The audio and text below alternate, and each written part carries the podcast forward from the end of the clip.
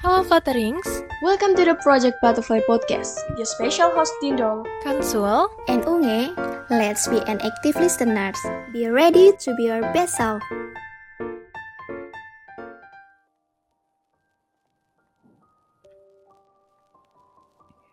Halo Flutterlings, di podcast kali ini ada aku, Dindol, yang akan nemenin kamu beberapa menit ke depan. Flutterlings, pernah gak sih kamu menahan diri atau nahan emosi di saat-saat tertentu?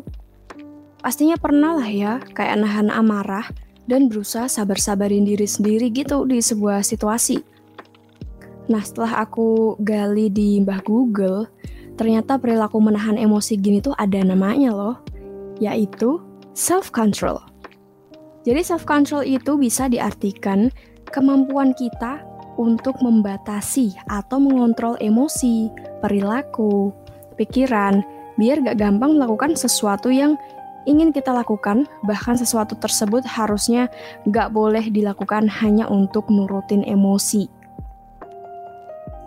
Nah, aku ngerasa self-control ini penting dan dibutuhkan banget sih buat semua orang. Karena menurutku saat kita berinteraksi sama orang lain, kita perlu menyesuaikan diri dengan batasan-batasan yang emang disesuaikan dengan orang-orang yang sedang kita temui. Misalnya nih, ketika kita lagi ngobrol sama sahabat, pasti cara kita ngomong dan berperilaku beda kan dibanding kita ngomong sama orang yang baru kenal atau baru ketemu. Kalau sama teman sendiri atau sahabat sendiri atau sama pacar, kita bercandanya pasti belak-belakan karena udah tahu batas-batas toleransi bercandanya itu kayak gimana. Nah, beda kalau sama orang yang baru kita temui. Pasti kita ngerasa agak canggung dan karena canggung ini kita jadi lebih mengontrol diri untuk jangan sampai kita menyinggung perasaan orang itu. Sebab kita nggak tahu ini orang yang baru kita temui, batasan-batasannya tuh kayak apa. Menurut positive psychology, orang yang punya kontrol diri baik kayak tadi itu bakal punya kehidupan yang lebih sukses. Hal ini karena udah pernah ada research bahwa kontrol diri ini telah dikaitkan dengan kesuksesan di bidang akademik, pekerjaan, serta kesehatan sosial. Gak cuman itu, kontrol diri juga berhubungan dengan kesehatan mental dan fisik yang baik, berkurangnya tindakan kejahatan, dan tentang hidup yang lebih lama. Jadi tuh semakin kita benar dalam mengontrol diri, kita bisa menahan emosi, itu semakin sehat fisik dan juga mental kita. Nah, karena kita bisa mengontrol emosi seperti itu, kita jadi terhindar dari tindakan-tindakan yang enggak baik, hingga hingga tindakan kriminal atau tindakan kejahatan. Nah, karena hidup kita rasanya itu bahagia, semuanya bisa kita atur dengan damai. Jadi kita bisa hidup lebih lama atau istilahnya kita bisa panjang umur.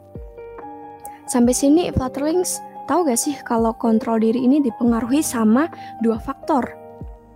Kalau belum tahu, nih Dindol kasih tahu ya. Faktor pertama yang mempengaruhi kontrol diri adalah pola didik orang tua. Orang tua dengan pola asuh yang baik pasti menumbuhkan self-control yang cukup baik terhadap anaknya. Kenapa? Anak kan pasti mencontoh ya dari orang tua. Ya pastinya jika orang tuanya punya pola asuh yang baik, ngajarin untuk mengontrol diri yang baik pada anaknya juga. Nah, pasti anaknya juga jadi pribadi yang bisa mengendalikan emosinya karena udah belajar dari orang tuanya sendiri. Orang tua di sini juga perlu untuk jadi teladan, perlu untuk ngasih contoh yang benar bagaimana saat mereka menghadapi emosinya. Nah, faktor yang satunya adalah karakter dan kepribadian individu. Ini juga berpengaruh terhadap kontrol diri. Misalnya jika seorang punya gangguan psikologis, pasti akan lebih sulit untuk mengontrol diri. Jadi perlulah kita bentuk karakter dan kepribadian sebaik mungkin supaya bisa mengendalikan diri sendiri. Memang, kontrol diri ini dipengaruhi oleh pola asuh di masa kecil dan karakter kepribadian seseorang. Tapi tenang aja, kita tetap bisa meningkatkan kontrol diri ini atau membenahinya supaya kita jadi pribadi yang lebih baik. Nah, gimana sih biar kita punya kontrol diri yang baik? Nah, pertama kita itu perlu nyadari apa sih yang kurang dalam diri kita. kita temukan dulu hal-hal yang biasa kita lakukan saat marah. Mulai dari gimana pemikiran kita saat marah, bagaimana perilaku kita saat marah, dan juga bagaimana kita uh, mengeluarkan sesuatu saat kita emosi. Saat kita sudah tahu kekurangan kita, baru deh kita cari sebuah cara untuk meminimalisir kekurangan itu. Misalnya nih, kamu itu suka marah-marah sampai mukul orang sambil ngelemparin barang. Nah, udah ketemu kan itu kurangnya? Baru deh kita tanggulangi hal itu dengan cara menenangkan diri. Yaitu misal kita uh, pergi yang agak jauh ke tempat yang tenang, biar kita nggak ketemu sama orang lain. Kita tenangin diri dulu di tempat yang sepi, sampai emosi kita mereda. Supaya apa? Supaya menghindarkan kita untuk menuruti emosi tersebut. Biar orang-orang gak kena batunya. Kita yang emosi, kok orang lainnya kena pukul? Kan salah. Jadi sebisa mungkin kita take our time untuk tenangin diri.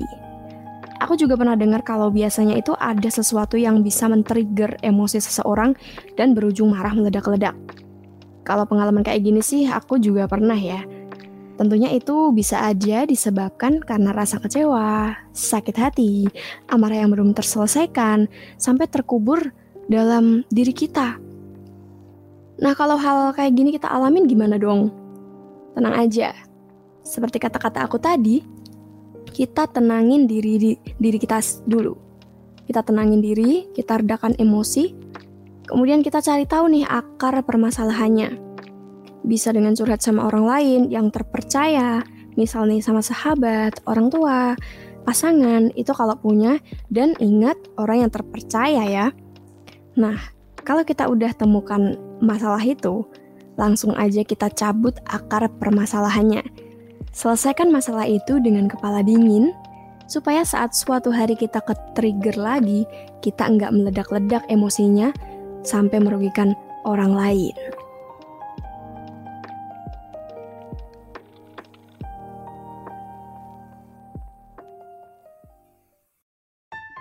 Thank you for listening Project Butterfly Podcast. Jangan lupa untuk follow Instagram kita di @projectbutterfly2021.